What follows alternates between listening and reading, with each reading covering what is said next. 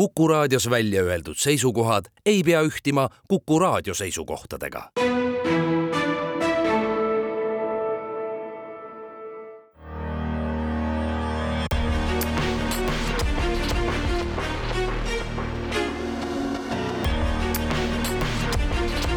välismääraja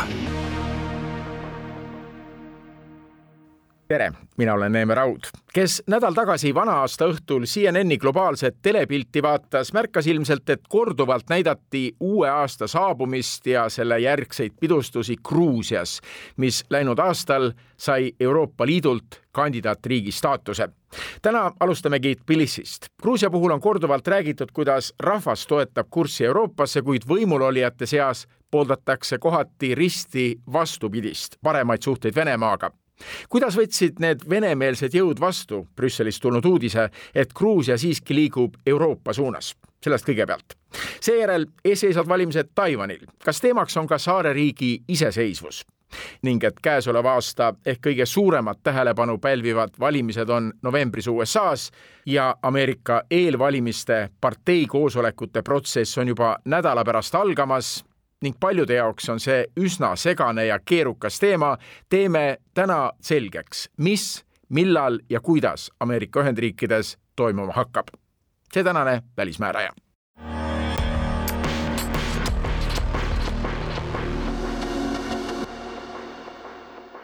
ja nüüd kõigest lähemalt. kõigepealt tere hommikust, Tbilisi ja Eesti suursaadik Riina Kaljurand tere hommikust! kui nädala eest aastavahetuse ajal CNN-i vaatasin ja seal korduvalt Gruusiat nägin, oli see mõneti minu jaoks üllatav, sest Gruusia rahvusvaheliselt tavapäraselt nii palju kõneainet ei anna, et sinna aastavahetuseks lausa korrespondent kohale saata, aga praegu tundub Gruusia pärast Euroopa Liidu kandidaatriigi staatuse saamist, Gruusia on muutunud kuumaks teemaks ma ei oska öelda, kas just ainult kandidaatriigi staatuse pärast, aga kindlasti viimase aja poliitiliste arengute pärast, ma arvan, on see muutunud kuumaks teemaks ja, ja loomulikult see kandidaatriigi staatus on nende jaoks äärmiselt oluline. nii rahva jaoks kui, kui ilmselt ka poliitikute jaoks, kuigi erinevail põhjuseil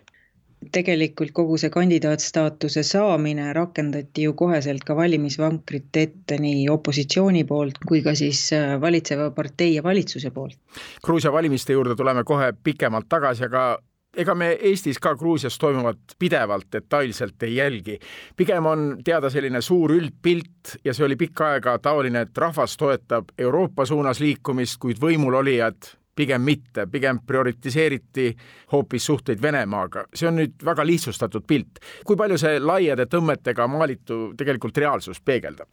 no niimoodi, ma arvan, eemalt vaadates võibki jääda selline suhteliselt äh, lihtsustatud mulje, et, äh, et rahvas kõik on poolt ja valitsus on vastu. võib-olla kui ma nüüd natukene nüansseerin seda pilti, siis, siis kui me vaatame rahvast siis tõepoolest äh, suurem osa on Euroopa Liiduga liitumise poolt. kui palju seesama rahvas tegelikult saab aru, mida tähendab Euroopa Liiduga liitumine, mida tähendavad need reformid, mis tuleb jätkuvalt läbi viia, milline on nii-öelda valitsuse roll nende reformide läbiviimisel. ma arvan, et paljud ei tõmba enda jaoks neid, neid linke nende erinevate asjade vahele kui me nüüd ütleme, vaatame, et valitsust, et me ei saa ka öelda, et valitsus on Euroopa Liiduga liitumise vastu, sest ütleme ametlikult ja, ja tegelikult ju valitsus on käinud pea terve aasta Brüsseli vahet ja, ja üritanud eh, lobida ja, ja rääkida Gruusiat suuremaks, kui Gruusia tegelikult võib-olla on, nii reformide mõttes kui oma geostrateegilise olulisuse mõttes.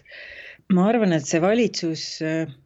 teenib võib-olla pigem sellist kahte eesmärki, et ühelt poolt äh, on äh, loomulikult nende huvi äh, võimul püsida, nende huvi on samamoodi nii-öelda sellest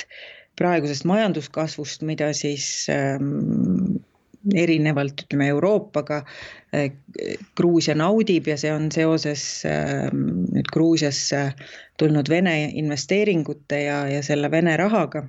ja, ja loomulikult üritab Gruusia hoida sellist äh, suhteliselt ütleme, äraootavat positsiooni, kuna nad ei ole päriselt kindlad, et, et kuhu poole siis või, või kuidas see Ukrainas kestev sõda, kuidas ta lõpeb, kuidas ta kulgeb ja kuidas need jõujooned hiljem joonistatakse. Ja, ja nende jaoks noh, selline, ütleme, nad ise kutsuvad seda mm, selliseks strateegiliseks äh, kannatlikkuseks või öelda targaks poliitikaks, et nad ei äh, lõhu sildu ei, ei lääne ega ida poole ja loodavad siis seeläbi kuidagi saada säästetud Vene karistusmeetmetest või nii-öelda Vene ärakaristamisest, nagu nad seda ütlevad, et noh, kakskümmend protsenti territooriumist on juba okupeeritud ja nad on väga haavatavad ja mine tea, mida venelane edaspidi ette võib võtta, kui nad nüüd liiga Vene kriitiliseks muutuvad. Et see on nii ja naa, aga ma arvan, et põhiliselt on siiski, mängib siin rolli järgmisel sügisel toimuvad parlamendivalimised paljude jaoks Euroopas oli Brüsseli otsus Gruusiale lõpuks kandidaatriigi staatus anda ikkagi mõneti ootamatu ja üllatav. Gruusia on Euroopa suunas liikunud, kuid jälle siis takerdunud, see on väga pikaajaline protsess olnud, et see oli, see oli ikkagi üllatus mõneti. mõneti kindlasti üllatus, kui me vaatame näiteks ka mm, nagu Eesti meediat või vaatame Eestis toimuvat arutelu, siis, siis ega me selles kontekstis Gruusiast ju väga palju midagi ei kuulnud, et siiski kogu põhirõhk äh, läks Ukraina ja Moldova peale. ja, ja noh, mõnes mõttes õigustatult, eks Gruusias on need asjad nii ja naa, et ütleme, kui me räägime reformidest, mida on vaja läbi viia ja, ja mida pidid läbi viima ka Ukraina ja Moldova, siis äh, on valdkondi, kus Gruusia on teinud võib-olla rohkem edusamme, aga need on sellised, ütleme, tehnilised näitajad. kui me nüüd vaatame seda üleüldist demokraatia trajektoori, siis äh, pigem on olukord Gruusias äh, läinud allamäge. selline poliitiline mõju riigi institutsioonidele on pigem suurenenud, siis opositsiooni vastased sellised repressioonid või opositsiooni mittekaasamine on samamoodi suurenenud, kodanikuühiskonna äh, selline allasurumine on paraku täiesti nagu nähtav ja, ja tuntav igal pool, et, et kõik see, mida me siin kohapeal näeme, ei ole see, mis, mis annaks kuidagi optimismiks põhjust. ja teisest äh, küljest loomulikult ma arvan, et äh, paljud nii eestlased kui üldse inimesed Euroopas mõtlesid, et ega ei ole ju vaja nii-öelda premeerida sellist riiki või, või, või sellist valitsust nende sammude eest aga noh, samas äh, eks ju on seal alati juures see geostrateegiline või geopoliitiline aspekt, et teatud samme tuleb astuda selleks, et võib-olla tulevikus oleks meil lihtsam Gruusiat taas ree peale saada. kindlasti ütleme, see on oluline siin Lõuna-Kaukaasias puht regionaalsest aspektist, sellepärast et et praegu on ju toimumas Armeenia, Aserbaidžaani vahel selline ajalooline nii-öelda rahuläbirääkimiste protsess, et et kui Gruusia kui nii-öelda kandidaatriik siin kõrval, ta kindlasti toob Euroopa Lõuna-Kaukaasiale lähemale ja ta kindlasti annab ka Armeeniale edasiseks palju lootust või, või palju sellist optimismi, et, et tasub püüelda reformide nimel ja tasub, tasub olla nii-öelda sellele Euroopa trajektoorile, et see on nagu teatud selline heidutusaspekt. kui üllatav see otsus Brüsselist oli Gruusias kohapeal? ma arvan, et Gruusia tegelikult lootis seda sellepärast, et ütleme, inimesed selgitasid seda või põhjendasid seda positiivset otsust enda jaoks äh, juba ütleme, terve aasta vältel sellega, et eelmisel aastal tehti vale otsus. Gruusia väärib seda erinevatel põhjustel. Äh, ja, ja nii-öelda seesama, see, see julgeoleku aspekt äh, toodi uuesti lauda, et tegelikult kui nii-öelda eelmise aasta otsus äh, Ukrainale, Moldovale oli poliitiline, siis äh, sellel aastal ega ta siis Gruusia suhtes vähem poliitiline ei ole, et oleks võinud ju eelmisel aastal selle otsuse ära teha. kindlasti äh, inimesed lootsid ka sellepärast, et et see annaks neile mingisugust, mingisugustki tulevikuperspektiivi, sest Gruusias on siiski tööpuudus on suur, vaatamata tohutule majanduskasvule eelmisel aastal kaksteist protsenti, sellel aastal seitse protsenti. et ütleme, tavainimeseni jõuab sellest siiski üsna vähe ja, ja selline väljaränne Gruusiast Euroopa suunas on, on väga suur. ja kui oleks tulnud negatiivne vastus, siis ma arvan, et just noorte inimeste seas oleks see tekitanud veelgi enam frustratsiooni. Nad arvasid, et, et Euroopa siiski võtab kõiki neid selliseid aspekte nagu arvesse. Ja valitsus, noh, valitsus tegelikult äh, ajas sellist äh, üsna nii-öelda ütleme, taktikalist retoorikat juba, juba viimased pool aastat, et Euroopa Liit teeks tohutu vea. Euroopa Liit kaotaks kindlasti Gruusia. Euroopa Liit lükkaks Gruusia Venemaa rüppe tagasi, kui ta seda ei anna. Et väga palju sellist väljapressivat retoorikat oli ja nad olid üsna-üsna kindel, et Euroopa Liit teist korda eitavat vastust Gruusiale anda ei saa. Sest see näitaks ka Euroopa Liidu enese sellist äh, võib-olla nõrkust või, või otsustamatust siis või, või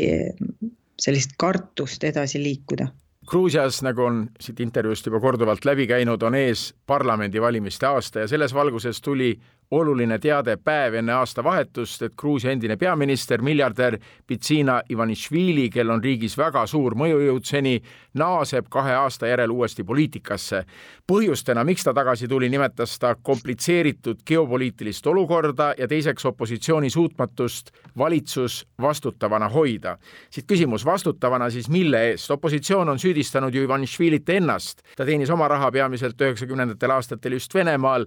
Moskva meelsuses kõigepealt tuleb alustada sellest, et ta tegelikult ei ole äh, kuhugi lahkunud, et, et see on lihtsalt selline nii-öelda rahvale näitamaks, et näed, et nüüd ta tuli tagasi. aga see on olnud ju tunda ja näha kogu aeg, et, et siiski otsuseid selles riigis teeb tema. ma arvan, et loomulikult ongi põhjuseks tema tagasitulemisel kahe tuhande kahekümne neljanda aasta valimised. Ja see, mida sa nimetasid sellise nii-öelda justkui valitsuse vastutavana hoidmise pärast, et et ma arvan, et seal on nagu omajagu tõtt, sellepärast et ega Gruusia eh, unistus eh, on ka suhteliselt sisulise või sisemiselt killustunud. ja seal hakkavad tekkima väiksed hõõrumised, erinevad sellised jõukeskused siin ja seal, mis takistavad ja kuna tõepoolest opositsioon on väga nõrk, opositsioon ei suuda ennast mobiliseerida, ka väikestes, kõige väiksemates opositsiooniparteides toimuvad juba sellised lõhenemised, et et opositsioon ei suuda piisavalt motiveerida valitsusparteid eh, ennast kokku võtma. ja, ja selles mõttes nojah, et ta tuli tagasi, et, et selline uus jõukese moodustada, et ei oleks enam selliseid nagu omavahelisi rivaalitsemisi poiste vahel. aga et ta tuleb siis ja, ja lööb korra majja, et ma arvan, et nagu selles kontekstis ilmselt ta suudab seda parteid ja tema valijaid mobiliseerida täpselt nii, nagu endiselt Saakašvili vangis olles mobiliseerib seda ühen-, ühendatud rahvuslikku liikumist. kirjelda natuke Gruusia poliitilist kaarti ka, Gruusia unistus, ühendatud rahvuse liikumine, kes mm. valimistel veel mängivad mängivad võtmerolle. kui palju parteisid seal on? parteisid kokku on kuskil kuuekümne ümber, vähemalt eelmiste valimiste ajal oli neid kuskil kuuskümmend üks. Neid on, kes tulevad valimistele välja, kes mingisugust nähtavust ja rolli mängivad, neid on kuskil kümme. muidugi on väga vara ennustada, aga eelmise peaministri Georgi Kahharia partei For Georgia või siis nagu Gruusia nimel või Gruusia eest on see kolmas jõud, mis ilmselt võib ületada valimiskünnise, selle viis protsenti. ja kuna järgmised valimised Gruusias on esimesed proportsionaalsed valimised, siis noh, olenevalt tulemusest see võib natuke kaarte läbi või segi lüüa, mis on ainult positiivne et Gruusia unistus ei saaks sellist äh, nagu ainuvõimu või, või ütleme, täielikku kontrolli parlamendi üle, nagu tal praegu on olemas. aga siis on veel väiksemad parteid seal, no ütleme, seesama kõige suurema opositsioonipartei Ühendatud Rahvuslik Liikumine, mis siis äh, endiselt sõidab justkui äh, Miša Saakašvili sellise nime peal, et nemad lõhenesid ja tegelikult see, mis seal toimub, on, on väga segane, et et vaatame, et eks nad on osa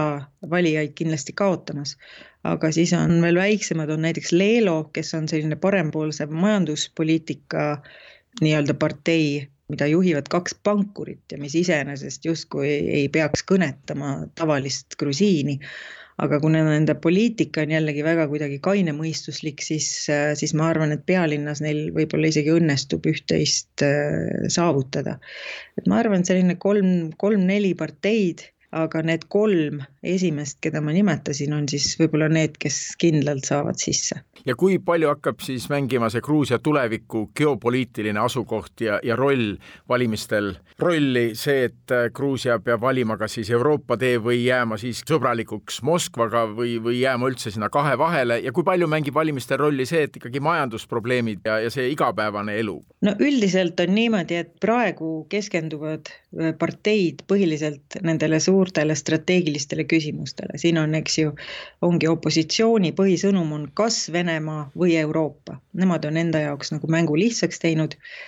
ja, ja siis on nii-öelda valitsuspartei, kes on põhimõtteliselt võtnud oma valimismotoks sellise nii-öelda ajaloo kustutamise enne aastast kaks tuhat kaksteist, kui siis äh, Gruusia unistus võimule tuli. enne neid oli justkui valitses seadusetus, selline röövellik äh, valitsemisstiil ja nii edasi. et äh, kõige selle hea või, või mis iganes seal, eks ju, enne oli, selle kustutamine aga kahju ongi sellest, et, et need päris teemad, mis päris inimesi igapäevaselt äh, mõjutavad, nagu tööpuudus või haridus või, või majandus või, või ka infrastruktuur, mis laguneb ja vajab uuendamist ja ehm, need asjad tulevad tavaliselt valimistel üles, ütleme kolm kuud enne või isegi ainult kaks kuud enne nendest väga palju ei räägita. kuni sinnamaani käib selline üksteise mudaga loopimine ja mida räigemate sõnadega sa seda teed, seda parem ja kõvem sa oled, see on selline natuke selline machokultuuri osa. praegu mingisugustest valimisprogrammidest kahjuks äh, nagu rääkida ei saa. kui palju siiski see Euroopa otsus Gruusiale kandidaatriigi staatus anda mõjutab valimisi? Sellel võib olla oma positiivne mõju. Paljud näevad tõesti äh, seda kui valitsuse teenet, aga väga suur osa, kuna ütleme, erinevate arvamusküsitluse järgi kuskil kuuskümmend üks protsenti inimestest ei näe mitte ühtki parteid ennast esindamas või oma põhimõtteid esindamas, siis neid võib see pigem äh, võib-olla kallutada nende väikesem, väikeste opositsiooniparteide suunas, kellel otseselt ei ole mingisugust sellist, sellist suurt äh, skandaalset rolli olnud. kas neid on ka Gruusias, kes ütlevad, et Euroopa poolt kandidaatriigi staatuse andmine no ei ole tervitatav, et tegelikult Gruusia ei vaja seda või selliseid hääli ei kõla? Jaa, ikka oli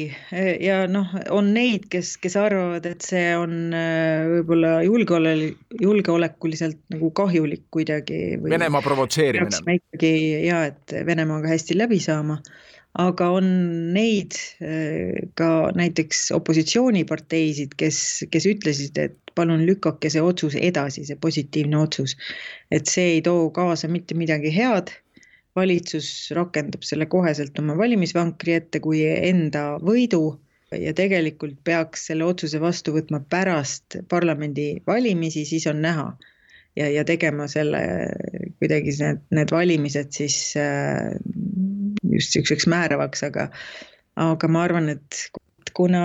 sellel aastal on toimumas äh, Euroopas ja, ja ka maailmas palju olulisi valimisi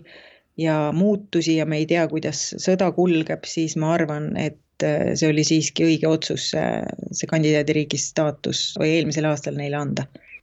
Eesti suursaadik Gruusias Riina Kaljurand, aitäh ja kena päeva Tbilisisse! aitäh! kui välismääraja hetke pärast jätkub, siirdume jutuga Taiwanisse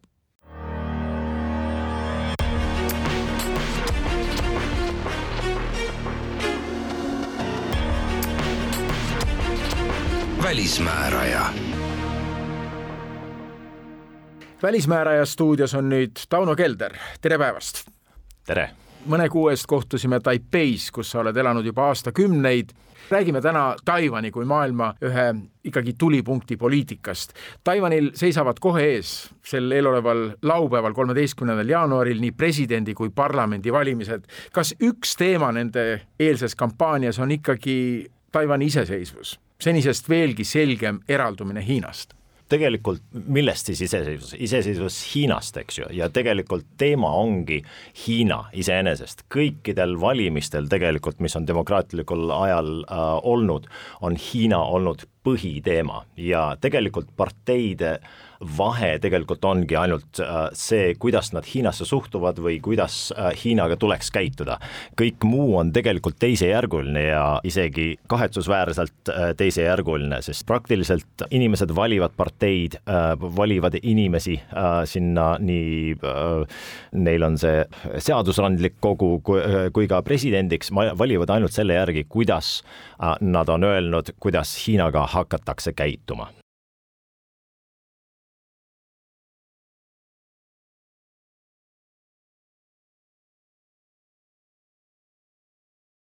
kaks peamist parteid on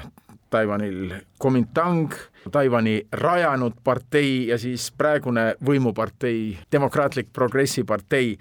tee palun meie kuulajatele pilt, mille poolest nende parteide seisukohad erinevad. jah, äh, tegelikult äh, on vahe selles, kuidas käituda nii, et Hiina ei ründa Taiwanit iseenesest neid, kes ähm, reaalselt tahavad Hiinaga ühineda, on kaduvväike äh, protsent inimestest. Kuomintang lihtsalt äh, räägib ühinemisest äh, sellepärast, et nende peaaegu saja aasta tagune põhikiri äh, ütleb seda. Ja Demokraatlik Progressipartei räägib iseseisvumisest sellepärast, et põhimõtteliselt see on loogiline ja see oli alguses kohe tema põhikirjas, aga reaalselt on seda väga raske teostada, sest äh, nagu põhimõtteliselt äh,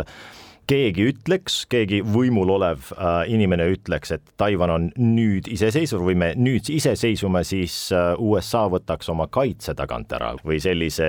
jah toetuse ja siis oleks palju raskem Taiwanil edasi eksisteerida üldse, nii. ja kogu küsimus ongi tegelikult selles mitte, et kas Taiwan peaks iseseisvuma või Taiwan peaks äh, eralduma millestki, vaid põhiküsimus on see, et kuidas edasi toimida Hiina külje all, nii et Hiina Taiwanit ei ründa. Ja selles ongi tegelikult äh, põhimõtteliselt nende kahe põhilise partei vahe. Ja tegelikult on ju ka kolmas partei, äh, kes on nii-öelda see, see wildcard, äh, kes oli tegelikult isegi vahepeal mõlemast, olenevalt muidugi küsitlustest, mõlemast teisest parteiliidrist isegi ees oma toetuselt, aga nüüd ta on äh, taha langenud, nii et, et tegelikult on kolm põhilist parteikandidaati ja kolm põhiparteid, aga, aga, aga kolmanda partei ise on väike, aga ta su-, toetus on suhteliselt suur huvitaval kombel. ütleme praegu äh, Demokraatliku Progressi partei äh, Äh, kandidaadi Lai Chingde toetus on, ütleme, viimase küsitluse viima- järgi, mis oli siis paar päeva tagasi ja pärast seda enam enne valimisi ei tohi küsitlusi avaldada, see oli umbes kolmkümmend viis, kolmkümmend kuus protsenti valijaskonnast, siis oli järgmine Kuomintangi oma oli umbes selline kakskümmend kaheksa ja Coenza oli, oli tegelikult see kolmas, on põhimõtteliselt natukene ainult maas, kakskümmend neli, kakskümmend viis umbes seal, nii. aga nüüd, äh, kuidas need parteid erinevad? Äh, progressi partei, põhimõtteliselt nii-öelda äh, iseseisvuspooldaja lihtsalt äh, üritab ajada sama joont, nagu ta on siiamaani tegelikult kaheksa aastat juba omal võimul olles ajanud, et võimalikult oma majandust ja, ja, ja ka muud äh, muud tegevust äh, Hiinast lahti ühendada, sest äh, vahepeal kui Kuomintang oli võimul ja üheksakümnendatest aastatest, kaheksa, üheksakümnendatest aastatest peale äh, majandus äh, põhimõtteliselt äh, sai liiga sõltuvaks tegelikult Hiinast, kui niimoodi võtta seda, et, et Hiina on tegelikult vaenulik poliitiliselt, aga majanduslikult oli ta äärmiselt kasulik, nii. siis Kuomintang tegelikult ei ürita nagu Hiinaga ühineda, aga ta üritab hoida nii-öelda häid suhteid ja, ja suhteid tugevdada nii et see on lihtsalt teine tee, kuidas äh, Hiinat hoida nii-öelda äh, Taiwanit ründamast, nende arust. ja siis kolmas on seal kuskil vahel see Kõvanda äh, partei, mis on Hiina nii-öelda rahvapartei, TPP, Taiwan People's Party, on siis kuskil seal vahel nende jaoks, keda mõlemad suuremad parteid on juba ära tüüdanud ja kellel enda seisukohta ei ole, aga kellel on piisavalt palju äh, seda toetust nende poolt, kellele ei meeldi see, need, need, kaks ülejäänud juba võimul olnud parteid kas nende valimiste tulemus võib kuidagi muuta praegust olukorda Taiwanis ja Taiwan'i ümber, seda status quo'd, mis on valitsenud ja tõenäoliselt jääbki kestma? Ah, ma ei ütleks, et need valimistule-, tulemused suuresti mõjutaksid seda, mis toimub ja mis võib-olla toimumas on sest juba mõned aastad äh, on paljud eksperdid pannud umbes kahekümne neljanda aasta peale selle aja, kus Hiina tegelikult võiks rünnata Taiwanit. Ja see oli juba enne Ukraina sõda, olid need äh, hääled. Ja ma lugesin just paar päeva tagasi Blackwateri juht või omanik, eks ju, see on üks, üks suur äh, USA põhimõtteliselt erasõjaväefirma põhimõtteliselt. Ja, ja tema pani just paar päeva tagasi sellise killu, et, et noh, et tõenäoliselt ähm, kahekümne neljanda aasta algupoole äh, umbes mai äh, ringis äh, võiks Hiina rünnata. Et, et noh, et see on, see on üsna tõenäoline. õudselt täpselt pani nagu, see oli minu jaoks nagu üllatus, muidugi eks tal on omad huvid seal mängus, tal on ka endal Hiinaga suhted, aga ta ei ole ainukene, nii et, et tegelikult see aasta tuleb Taiwanile ja Hiinale väga selline pingeline aasta, eks näeb, mis juhtub. Nii et vaatamata neile valimistele need pinged jäävad õhku ja ikkagi on Taiwanil veel üks võtmemängur lisaks siis oma poliitikale ja ka Hiinale, USA. täpselt, täpselt, USA-ta äh, seal ei toimu midagi, jah on rahvusvahelisi vaatlejaid, kelle sõnul on eesseisvad valimised Taiwanil ka test Ühendriikide praeguse administratsiooni, Bideni administratsiooni kursile parandada vahepeal täiesti madalseisus olnud suhteid Hiinaga. kuidas see aritmeetika võiks välja näha? Umbes niimoodi, et ühelt poolt jätkub tugev toetus Taiwanile, aga teiselt poolt rõhutatakse Hiinale, et USA ei soovi staatus quo'd Taiwan'i ümber kuidagi muuta. Jah, aga tegelikult täpselt seesama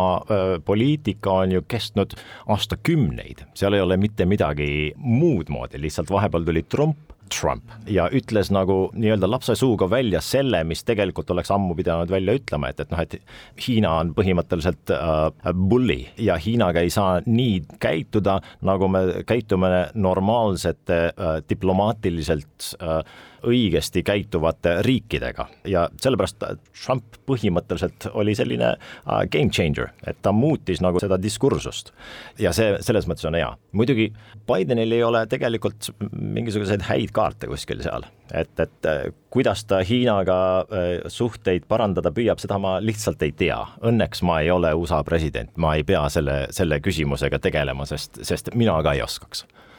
aga ikkagi jäi mõtlema, ennustatakse võimalikku Hiina rünnakut, kas koha peal, kas see ohutunnetus või aste on kuidagi tõusnud? ohutunnetus on tõusnud sellest ajast, kui Ukraina sõda hakkas, et siis nagu tegelikult kuskile sinna poliitilisse ladvikusse jõudus lõpuks ikkagi kohale, et me peame midagi tegema oma kaitsevõimega peale selle, et lihtsalt ostame äh, miljardite eest relvi USA-lt. tegelikult see kaitsevõime on nüüd paranemas ja nad tõesti üritavad reorganiseerida tegelikult oma, oma kogu seda kaitsekontseptsiooni ja, ja, ja toimuvad kordusõppused ja kõik sellised asjad, ühesõnaga enne seda oli see täielikes äh, varemetes, aga nüüd nad tõesti üritavad, aga samal ajal äh, sureme kui inimestest äh,, nad küll on veidikene ärevil, aga neil ei ole ikkagi päris kohale jõudnud, et, et nagu näiteks eestlastel ma vaatasin, meil juba ammu, eks ju, Kaitseliidu äh, liikmeskond on tohutult suurenenud ja, ja inimesed lihtsalt teavad, et me peame oma maad kaitsma. taiwanlastel hakkab see alles nüüd vaikselt kohale jõudma maailma meedias on viimastel kuudel kirjutatud ka sellest, et Taiwan'i oma poliitikud on kohati läinud iseseisvusjuttudega liiga tuliseks ja siis on käinud USA-s visiitidel ja retoorika on muutunud mõõdukamaks. ma ei oska öelda, kui palju ta mõõdukamaks on, on muutunud, minu arvates nad äh, lihtsalt jah, noh, eks nad vahel ütlevad välja midagi, mis, äh, mis nagu äh, püüaks nagu seda, seda piiri natukene kaugemale lükata, et, et sest tegelikult Taiwan on ju sellises plindris, et, et Taiwan iseenesest on iseseisvar, kui me räägime, eks ju, noh, sa käisid seal, sa pidid, tegelikult ei pidanud viisat võtma vist siis oli juba viisavabadus jälle, Covidi ajal ei saanud meie äh, armas Puuluup ansambel, eks ju, me ootasime teda maailmamuusikafestivalil ja nad ei saanud sisse tulla, sellepärast et, et Covidi ajal äh, Taiwanil tegelikult see viisavabadus, nad panid selle kinni. nüüd on jälle lahti, eks ju, aga sa ei saa tulla näiteks Hiina viisaga Taiwanile, eks ju. meil on oma raha, meil on oma, oma valitsus, põhimõtteliselt de facto on Taiwan iseseisev, aga keegi ei saa seda öelda, sest praktiliselt kõik kakssada maailma riiki, umbes nii, kuulavad Hiinat, sest Hiina on lihtsalt liiga suur ja Hiina ütleb, et, et Taiwan ei ole iseseisev. ja siis on nagu, nagu sõna sõna vastu. seda retoorikat siis püütakse natukene niimoodi jälle seada, sättida, et, et noh, et kuidas öelda nagu seda, et me tegelikult oleme iseseisev, ilma äh, ütlemata, et me oleme iseseisvad. sellised valikud siis, igapäevaselt Tauno Kelder, siin paneme tänaseks Taiwan'i teemale punkti, aitäh, et tulid Välismäärajasse ja head pikka tagasilendu! aitäh!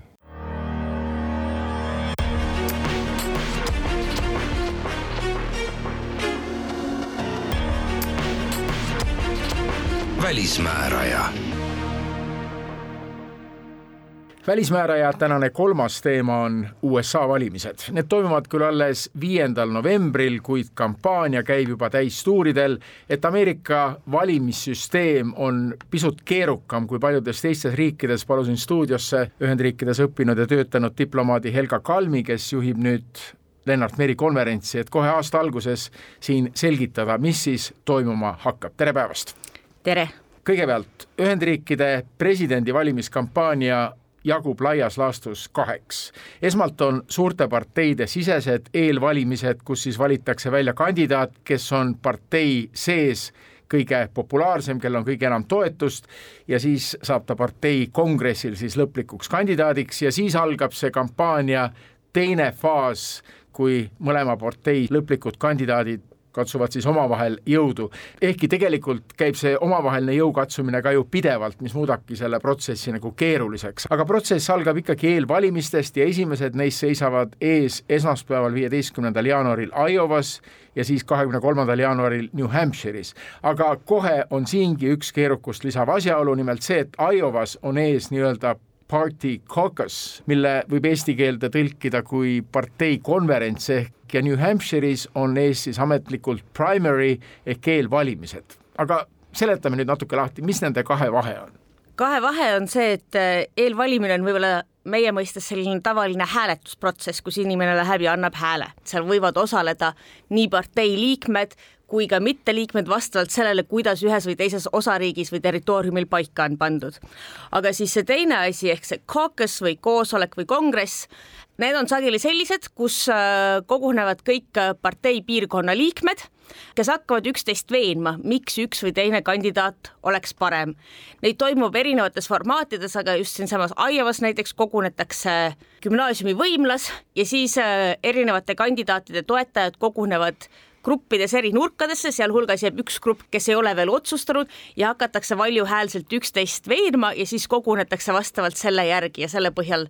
tehakse otsus, nii et selles suhtes meie mõistes pigem arhailine süsteem ja ka USA kontekstis arhailine süsteem, et üsna vähe osariike ikka veel teeb seda koosolekusüsteemi, enamik on läinud ajas üle eelhääletuste peale, aga, aga mõnes siiski on ja Iowa on üks kõige sellisemaid jah, nagu naljakamaid või, või visuaalselt kõige märkimisväärsemaid. ja Iowa hoiab sellest traditsioonist nii kinni, sest nad on ka riigis esimesed, seda jälgitakse ja see on väga teatraalne tegelikult, ajakirjanikel on seal päris palju ja huvitav vaadata, ma olen ise käinud seal kohapeal, kui need grupid siis jagunevad ja tõepoolest siis käib selline teatraalne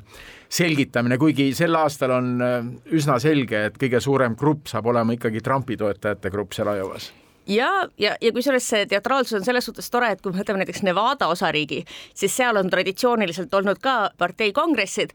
aga paar aastat tagasi tehti seadus, mis ütleb, et neil peavad olema eelhääletused või eelvalimised, aga siis nüüd vabariiklik partei piirkonnas on siiski otsustanud, et nemad teevad äh, partei kongressi minnes mööda nii-öelda sellest ametlikust äh, süsteemist. et ametlikus süsteemis on ainsana kandidaadina nendest esinumbritest Nikki Haley, aga Trump ja DeSantis ja teised on siis kõik selle partei kongressi kandidaadid Trumpi puhul on huvitav see, et paljud ta toetajad ju leiavad, et tegelikult tema peakski praegu Valges Majas olema, nii et see tagasivalimine on talle tegelikult nagu selle talle kuuluva Valge Maja tagasiandmine. jah, just, et noh, on ju ikka veel ka valijaid, kes arvavadki, et praegu äh, Biden on ebaseaduslikult ametis ja eelmised valimised võitis Trump, mis on küll tõestatud korduvalt, et see ei ole nii, aga, aga on inimesi, kes seda, kes seda usuvad ja, ja näevad jah, et saame lõpuks tagasi Valgesse Majja me kandidaatidest põhjalikumalt täna mm -hmm. ei räägi, räägime sellest protsessist, aga eelvalimiste puhul on alati oluline, et see on tähtis partei jaoks, kelle käes ei ole hetkel Valge Maja, sest üldjuhul, kui president on ametis olnud ühe ametiaja, nagu praegu Joe Biden, kandideerib ta tagasi, nagu ka Joe Biden teeb ja tema parteis eelsõelumist tegelikult ju ei toimu. jah, Biden on teatanud, et tema kandideerib ja tema vastu ei ole ju keegi tulemas. sisuliselt äh, jah teist kandidaati ei ole. Nii et seaduste järgi võiks ka demokraatide seas toimuda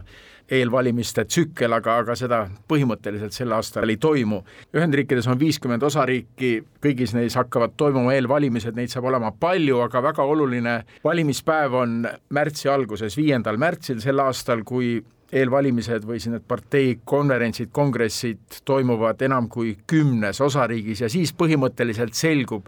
juba see kandidaat, kellel kõige enam on toetust ja arvatakse, et Donald Trump pärast viiendat märtsi võib omale selle vabariikliku partei kandidaadi koha kindlustatuks lugeda. jah, kuigi ütleme nii, et äh, praegu vist äh, ennustuskontorite hinnangul ta üheksakümmend kaks protsenti on seda juba praegu, aga noh, siin ongi, et kui tal läheb Iowas halvemini, kui arvatakse või kui Nikki Haley teeb üllatavalt väga hea tulemuse New Hampshire'is, ja et siis South Carolina on, on vana koduosariik äh, Haley'le, et kui tal eelmised asjad on hästi läinud, siis äkki ta momentumiga, kui siin DeSantis peaks loobuma näiteks pärast New Hampshire, võib saada nii tugeva tulemuse, et et tekib mingi momentum sinna ümber, aga põhimõtteliselt jah, viiendast märtsist peaks täiesti selge olema, kus me oleme. ja mis siis nendel eelvalimistel toimub, seletame veel seda tehnilist poolt ära, seal valitakse siis delegaate partei üleriiklikele kongressidele, mis toimuvad siis juulis vabariiklaste oma ja augustis demokraatide kongress, kus siis need eelvalimistel mandaadi saanud delegaadid annavad lõplikult oma hääle ühe või teise kandidaadi poolt ja siis ta kuulutatakse partei lõplikuks kandidaadiks, aga kui viiendal märtsil selgub, et Trumpil on juba nii suur toetus, siis põhimõtteliselt see partei kongress on ainult selline kummitempel suvel jah, põhimõtteliselt küll ja tõenäoliselt teised äh, loobuvad siis ka oma kandidatuuridest, sest pole ju mõtet edasi, kes neid ikka edasi rahastab, et raha pole oma kandidatuuri jätkata. Sest Ameerika valimiste puhul raha on väga oluline komponent, kandidaadid peavad koguma pidevalt raha ja valimiste hinnalipik on juba kaugelt üle miljardi dollari, nii et see on väga kallis ettevõtmine ka. ja, ja käia nendes osariikides kohal, Eestis sul ei ole nii raske käia siin äh, ma ei tea, saad ühe päevaga isegi äh, Narvast Kuressaarde, aga, aga Ameerikas see ei ole nii lihtne ja sa pead päevade kaupa olema, käima siis ka selle ühe osariigi sees erinevaid äh, piirkondasid läbi, kus sa siis ennast tutvustad, sest sageli need osariigid on enamasti suuremad kui Eesti üldse kokku, nii et jah. Ja ikkagi öeldakse, et Ameerikas valib presidendi lõpuks televisioon, sest et riik on nii suur, kõigi valijatega kandidaadid silmast silma kohtuda ei saa, et lõppkokkuvõttes ikka hääletatakse selle televahenduse põhjal jah, ja siin ongi nagu huvitav ka see, et paljud need asjad, mis võib-olla üleriigilistel valimistel võivad Trumpi vastu mängida, on asjad, mis praegu eelvalimistel on Trumpi kasuks mänginud ja, ja tõstavad tema populaarsust, sest kõigi nende kohtuasjadega, mis siin praegu käimas on, on ta saanud lihtsalt väga-väga palju tähelepanu ja see on äh, tema populaarsust tõstnud, sest jah, telekast palju minnakse ju nii-öelda nagu nime tundmise peale väljavalimistel ja, ja, ja see tõstab teda, teeb see nüüd praegu nii-öelda märtriks, äh, kannatab USA õigussüsteemi äh, käes ja keda Bideni administratsioon nii-öelda taga kiusab tema arvates. ja Trump kasutab neid teleülekandeid iga kord, kui ta kuskil kohtus välja ilmub, on ju kaamerad kohal, ta kasutab neid täiesti reaalselt oma valimiskampaania üritustena. ja, ja kusjuures siin on DC piirkonna kohus, kus äh, Trump on teinud hagi, millega on liitunud siis ka Washington Post ja mõned teised meediakonglomeraadid veel, kes nõuavad, et kinnine istung tehtaks avalikuks, et sellest saaks meedias ülekannet teha, et, et seda tähelepanu veelgi juurde saada aga demokraatide leeri vaatame ka, kui vabariiklaste seas on Trumpi selline tugev, tugev edemus praegu teemaks, siis demokraatide leeris on Joe Biden, aga ikkagi on neid, kes ütlevad, et olukord võib muutuda. kas tema kõrvale võib reaalselt veel kerkida teisi kandidaate või on see välistatud? praegusel hetkel on see siiski välistatud, noh, et ütleme, peamine argument Bideni vastu või miks ta inimestele ei meeldi, on see, et leitakse, et ta on liiga vana siis Biden ise hakanud selle üle päris muhedalt nalja viskama, et kus ta siin räägib sellest, kuidas ta teiste Ameerika konstitutsiooni loojatega koos üht või teist seadusepügalat kirjutas või kuidas ta peaaegu saja kolme aastane on, noh, noh nagu et ta teeb ise selle üle nalja või proovides seda nagu kergendada, aga, aga jah, põhimõtteliselt Biden on nende kandidaat lisaks neile kahele suurele kandidaadile, vabariiklaste ja demokraatide kandidaadile, on siiski oodata ka väikekandidaate, kes võivad tegelikult muutuda valimistel üsna määravateks, nad võivad küll saada vähe hääli, kuid nad võivad ära noppida suurkandidaatidelt just väga olulisi hääli ja praegu räägitakse murelikult just demokraatide partei pahempoolsemast tiivast, et, et sealt võivad tulla nii-öelda kolmandad kandidaadid, kes võivad lõpuks Bideni hääli ära viia ma arvan, et demokraadid suudavad siiski koonduda Bideni ümber, äh, sest äh, hirm Trumpi ees on nii suur, et just kui ma ütlesin enne, et äh, praegu need kohtuasjad on mõjunud võib-olla Trumpile hästi, aga kui ta saab üleriiklikuks kandidaadiks, siis need hakkavad tal pigem halvemini mõjuma. lõppkokkuvõttes USA valimiste süsteem on selline, et mõlemat parteid toetab umbes nelikümmend protsenti ühiskonnast ja siis sul on see kakskümmend protsenti seal vahel, kelle pärast võitlus käib. ja siis koondutakse ikkagi nagu demokraatide seas oma kandidaadi taha, et tagada, et see kakskümmend protsenti, suurem osa sellest tuleks sinu taha, et, et on ilmselge, et keegi kolmas ei suuda piisavalt võita ja, ja hirm Trumpi ees, hirm demokraatia kadumise eest, kõik see on piisavalt, ma arvan, mõjus, et tuua demokraadid ühte leeri, isegi kui neil on praegu mingeid lõhesid, nagu ikka parteide sees on. aga põhimõtteliselt tundub praegusel ajahetkel, et valimiskaart on tänavu üsna selge, eelvalimised ja siis peavalimised ja Biden ja Trump kas ikkagi võib veel ootamatult suuri üllatusi tulla? ma arvan, et suuri üllatusi ei tule, aga ma lihtsalt ütleks, et minu jaoks on võib-olla järgmine aasta, et me ei tasuks keskenduda ainult presidendivalimistele, sama oluline on see, mis saab esindajate kojas, mis saab senatis, väga tõenäoline on see, et äh, senat läheb äh, vabariiklastele, et ka need asjad hakkavad mõjutama tegelikult seda, kuidas tulevane president saab valitseda, seega tasub USA süsteemis vaadata laiemat poolt, et sul valitakse üks kolmandik senatit äh, iga kahe aasta tagant ja samamoodi kogu esindajate koda nii et Ameerika poliitiline kaart võib muutuda, praegu on esindajate koda vabariiklaste kontrolli all, senatis on demokraatidel väike edemus, mida nad loodavad säilitada, et siis muutuda selliseks äh, kaalukeeleks, kui Trump peaks presidendiks saama. ja ongi, et äh, traditsiooniliselt on nii olnud, et äh, see erakond, kes võidab siis presidendivalimised, saab ka mõlemad teised kojad enda kätte, aga, aga ka seekord võib minna nii, et, et ei pruugi. Ja ma ütleks, et üldvalimiste kontekstis on praegu veel vara öelda, kuhu see kaldub mida sina kõige enam jälgid nende valimiste puhul, mõeldes ka meie enda julgeolekule. praegu näeme, kuidas on Ukraina abipakett takerdunud juba kongressi esindajate kojas, mille juhiks tuli Mike Johnson, kes on väga Trumpi-meelne. mida sa ise jälgid valimistel? ma arvan, et sisuteemadest kõige rohkem jälgiks ikkagi majandust, mis ma arvan, on põhimõtteliselt see, mis läheb inimestele kõige rohkem korda ja mille põhjal keskmine inimene valib, kuidas ta tunneb, et tal majanduslikult läheb välispoliitika on kindlasti huvitav, siin on mõlema partei sees lõhesid, nii et see on ka huvitav, mis saab siis vastavalt olema vabariiklaste selge presidendiliin, mis hakkab siis tugevamalt ka mõjutama, et praegu me näeme, et senatis pigem toetatakse Ukrainat, esindajate kojas esindajad on, on eriarvamustel selles küsimuses samamoodi on tegelikult Demokraatliku partei sees küsimus, äh, et kas ja kui palju Iisraeli toetada, et seal on selles küsimuses erimeelsused, et kuidas need nii-öelda positsioonid ühtlustuvad valimiste eel, on, on kindlasti huvitav asi vaadata, sest ka demokraatidel võib nende seisukoht kaotada valijaid. et kui äh, Biden on liiga Iisraelit toetav, siis ta võib kaotada mõned traditsioonilised tumedanahalised valijad või moslemist valijad. see on huvitav, aga ma arvan, et kogu selle süsteemi taustal on väga põnev see, et ja mis on väga erakordne, on see, kui palju on kohtus asju, mis võivad hakata mõjutama valimiste käiku. siin on mitu huvitavat äh, protsessi, kus siis äh, kahes osariigis juba on nii-öelda neljateistkümnenda klausli või lisa alusel öeldud, et äh, Trump ei tohi nendes osariikides valimissedelil olla, sest see läheb äh, konstitutsiooni mõttega vastuollu, ta on toetanud äh, ülestõusu või mässu USA riigi vastu, mis nii-öelda diskvalifitseerib teda kui kandidaati. Need liiguvad nüüd tõenäoliselt edasi ülemkohtusse, kokku on kolmekümnes osariigis sellised süüdistused talle või sellised asjad kohtusse antud, et ülemkohus peab siin mingi otsuse tegema, aga see on USA kontekstis väga harukordne, see on midagi uut ja just see näitab, et tegelikult ülemkohtul on väga suur mõju. siin on ka teised asjad, mis tõenäoliselt ülemkohtusse lähevad, kus on küsimus, et kas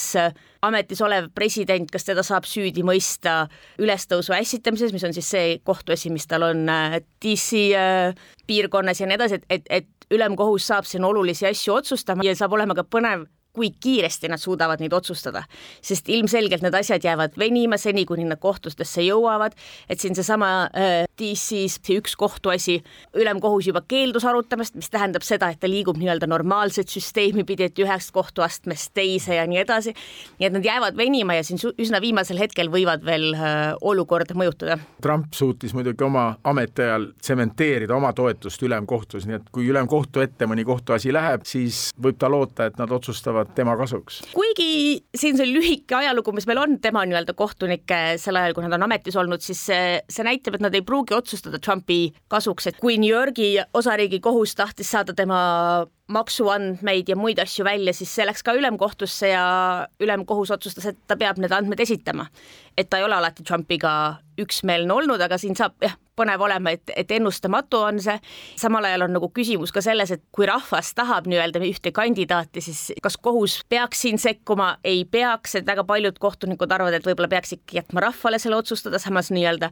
lugedes neid õigusargumente, enamik leiab, et jälgides seadusepügalat, siis ta põhimõtteliselt läheb selle neljateistkümnenda amendmenti vastu, aga, aga mingi hetk, kui tema on juba nii-öelda see partei kandidaat, siis kas sa saad seda nagu tagasi keerata, et see saab olema kõik väga põnev äh, lahend ja, ja teine pool ongi see, et Trumpil on siin äh, neli suuremat kohtuasja käsil, et see võtab tema kalendrist äh, väga palju, et siin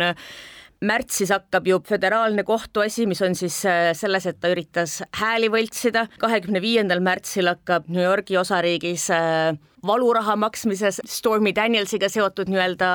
rahaskandaal, siis sul on äh, mais hakkavad klassifitseeritud dokumentide väärkohtlemise kohtuasjad, augustis juba tuleb ka see Georgia osariigi kohtuasi, mis on siis kõige keerulisem tegelikult neist, mis on, süüdistab teda nii-öelda häälte ostmises või pettuses, ehk kus on siis see telefonikõne lindistus, kus Trump palub äh, Georgia osariigi äh, tollasel riigisekretäril leida kuskilt üksteist tuhat häält, et ta võidaks osariigi, et, et need on kõik põnevad asjad ja kuidas nende nüüd ajaraamid hakkavad minema, siis kõik on väga põnev see on tegelikult enneolematu olukord, et tema toetajaid need süüdistused üldse ei morjenda ja samas ka Bideni vastu on ju süüdistusi. Bideni poja vastu, mis ka Bidenile endale varju heidavad. Bideni siin... vastu hakkas ju kongressis ka impeachment ametist tagandamise protsess. aga siin ongi huvitav, et tema puhul on küsimus tema pojas, mitte Bidenis endas, erinevalt Trumpist, kelle puhul on tegemist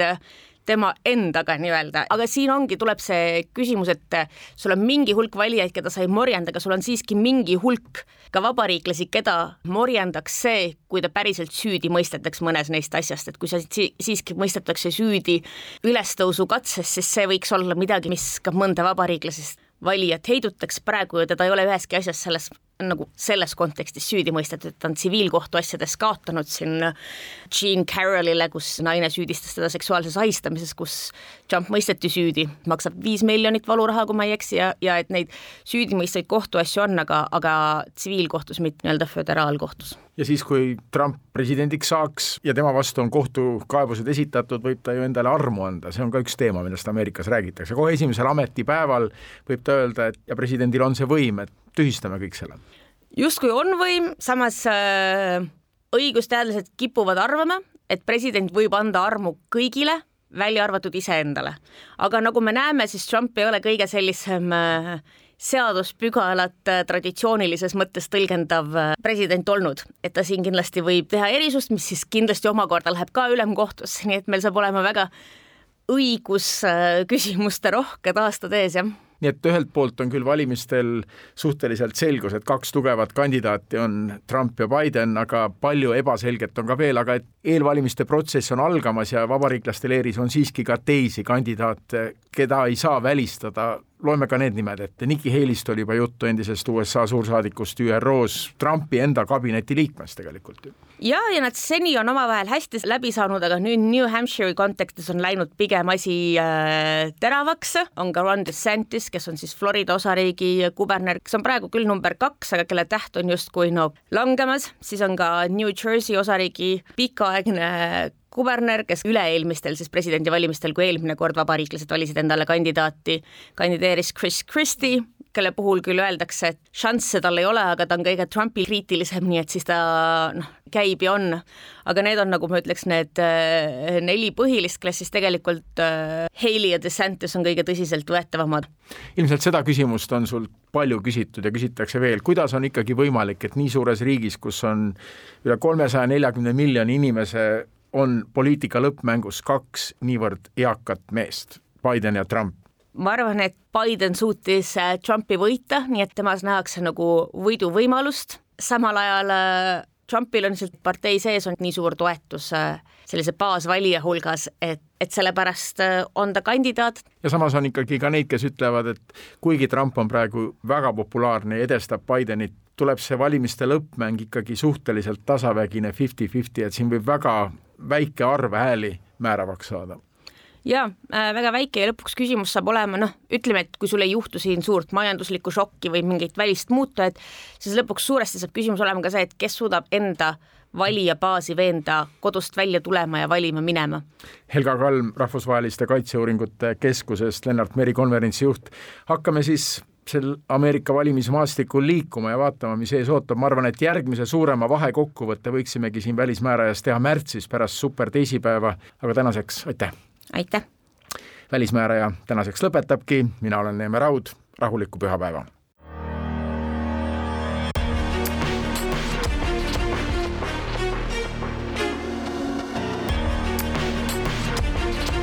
välismääraja